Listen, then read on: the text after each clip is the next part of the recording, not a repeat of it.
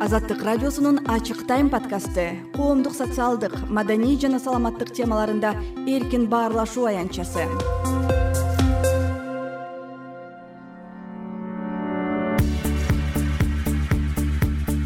мурун китап дүкөндөрүнө кирип көрсөңүз казакча китап табуу өтө кыйын болуп эди. Балалар адебиети болсун жаштарга болсун үлкөндөргө болсун бизнес китаптар болсун аз эди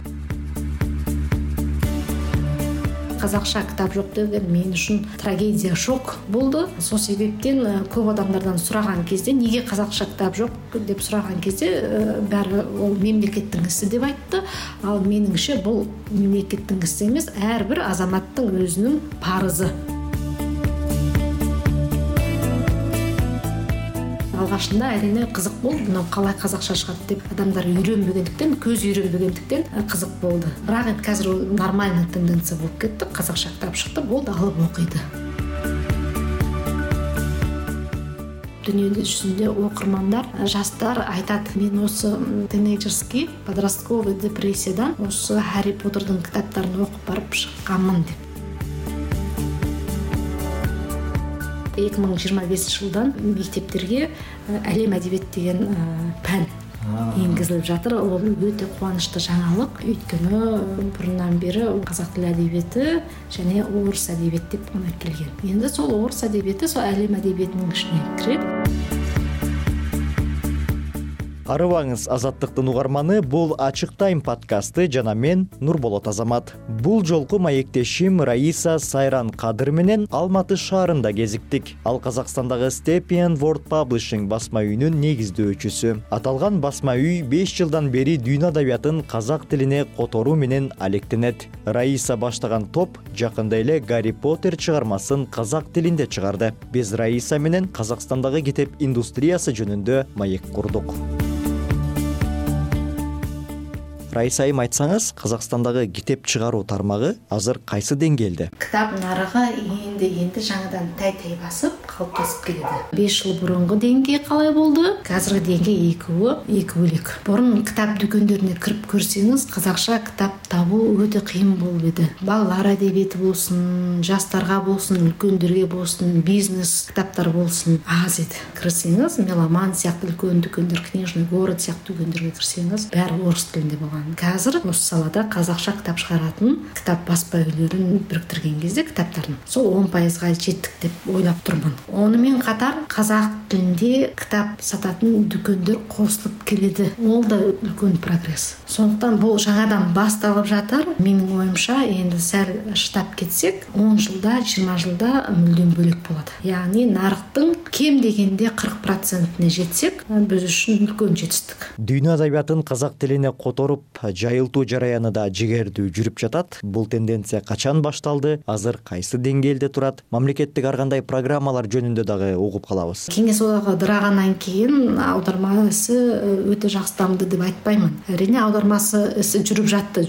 токтоп калган жок. Дегенмен мисалы приоритет башкага экономика жагына көңүл бөлүнүп кеткенден кийин э, мәдений аударма саласы аксактап калды аударма isi менин оюмча осы руханий жаңыруу деген программа аркылуу башталды деп ойлоймун өйткөнү осы жакта өтө жакшы жоба жүрүлдү жүз китап деген улуттук аударма бюросунун жасаган жобасы. Әлемдин эң керемет окулуктарын жогорку мектебинин гуманитарный окулуктарын аударды. Ол өтө керемет жоба болду жемисин берди жакшы сапалуу аударылып китапканаларга баарына жеткизилди. Энди анын жемисин ары карай жас мамандардан көрөбүз бир күндө өзгөрүп кетпейт сондуктан онун жемисин он жылда көрөбүз деп ойлоп атырмын сол улуттук аударма бюросу менен катар биздин баспамыз китап аудара баштады бул жеке өзүмдүн принципиальный таңдоо болгон башка бирөөдөргө караган жокмун эмнеге казакча китап жок деген мен үчүн трагедия шок болду себептен э, көп адамдардан сураган кезде эмнеге казакча китап жок? деп сураган кезде баары ол мемлекеттин иши деп айтты. Ал менимче бул мемлекеттин иши эмес ар бир азаматтын өзүнүн парызы истеуге болот эмес неге болбойт деп сол парыз иретинде көрүп осы ишти баштадым биздин баспамыздын э, басым бөлүгү сол жетимиш пайызга чейин чыккан китаптарыбыз балаларга арналган биз үчүн сол балаларга жаш урпакка окуйтун китап классика жанрында заманауий иллюстративный ушундай жакшы китаптарды чыгаруу өтө маңыздуу болду балалар осуну көрүп өскөндөн кийин үлкөйгөндө уже талап этет башка китап казакча эмнеге жок деп. Мамлекеттин дагы жеке сектордун дагы бул тармактагы аракети окурман үчүн жасалат. А окурман казакча китептерди канчалык кабыл алып жатат? Казак окурмандар өтө көп продукт китап жок болгондон кийин мүмкүн окумат деп ойлоймун. Мисалы китап окуйтун жаштар көбүндө китап кай тилде бар сону окуй берет. Мисалы көбүндө орусча болду. Казакча китап чыга баштагандан кийин казакча китапты өтө көп алып окуп жатыр деп ойлоймун. Алгачында әрине кызык болду мына калай казакча чыгат деп адамдар үйрөнбөгөндүктөн көзү үйрөнбөгөндүктөн э, кызык болду. Бирок эми азыр бул нормальный тенденция болуп кетти. Казакча китап чыкты болду алып окуйт ол өтө жакшы көрсөткүч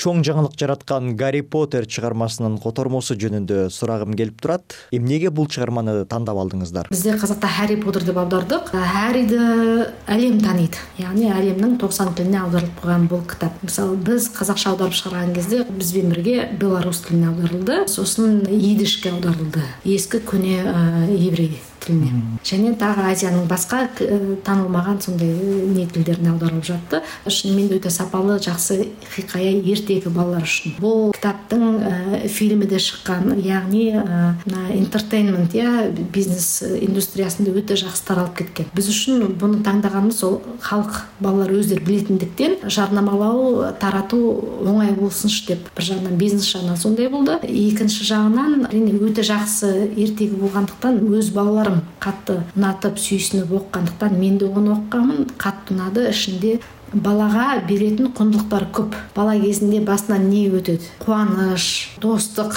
мейирим сондай ар түрдүү жакшы кылыктар жаман кылыктар кундуктардын баары осунда кирген. Сону калай жамандык менен каршылашып жеңем деген ар эртектин түбүндө бар го. Сондай философиянын баарын балдарга түшүндүрөдү. Жаш өспүрүмдөрдүн депрессиясын жакшы талдап берет я сол депрессиядан калай чыгам дегенди баарын жакшы көрсөтүп берет эртегинин ичинде соган карап мисалы өтө көп дүнү жүзүндө окурмандар жаштар айтат мен осы тинейджерский подростковый депрессиядан осы харри поттердин китаптарын окуп барып чыкканмын деп. Сондон кийин жакшы адам болуп калыптастым деп. Сол себептен осы китаптарды осулай таңдадык. Бул энди азыркы заманауий классика деп айтууга болот балдар эртегилеринде және жашка шектөө жок. Ол бул китапты э, тинейджерлер жаштар он жаштан баштап жүз жашка дейинки адамдар окуйт. Феномен болгон жакшы китап биз дайыма ушул сыяктуу демилгелер жөнүндө сөз кылганда мамлекеттин ролу жөнүндө сөз кылбай койбойбуз. Мамлекет басма үйлөргө кандай колдоо көрсөтө алат? Азыр болгон кезде мисалы баспа үйлөрүнө мүмкүн аударма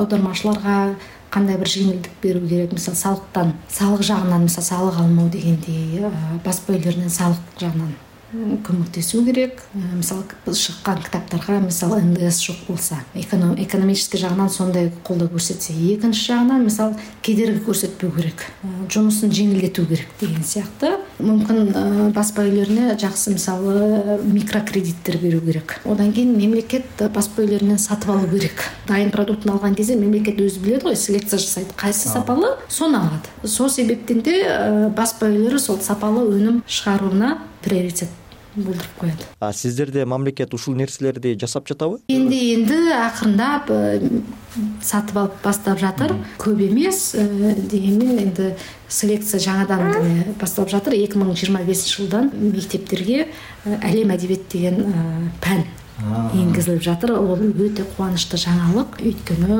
мурундан бери казак тили адебиети және орус әдебиети деп гана келген енді сол орус әдебиети сол әлем әдебиетінің ішіне кіреді яғни тек орыс әдебиетімен шектелмейміз әлемнің әдебиеті азия иә африканың әдебиетін европа әдебиетін әрине оның ішінде де орыс әдебиеті бар. Бәрі осыған енгізіледі ол енді өте керемет жаңалық дүйнө адабиятын өз тилибизге которуунун мааниси канчалык өте маңызды өйткені біз мына орталық азия әлемнен әлі күнге алыспыз. Менің ойымша әлемге жақындау үшін осы әдебиетті оқып жақындауымыз керек. Осы әдебиетті оқығаннан кейін шетел әдебиетін оқығаннан кейін біздің өз ақындарымызды ары қарай шетелге таныта бастаймыз. Олар да түсіне бастайды қандай жанрда қалай әдебиет жазу керек не болады дегенді. Индустрия кітап қалай жүреді дегенді қазіргі жүйені түсіне бастайды сиз ачык тайм подкастын уктуңуз. Подкастты мен нурболот азамат алып бардым. Саламатта калыңыз.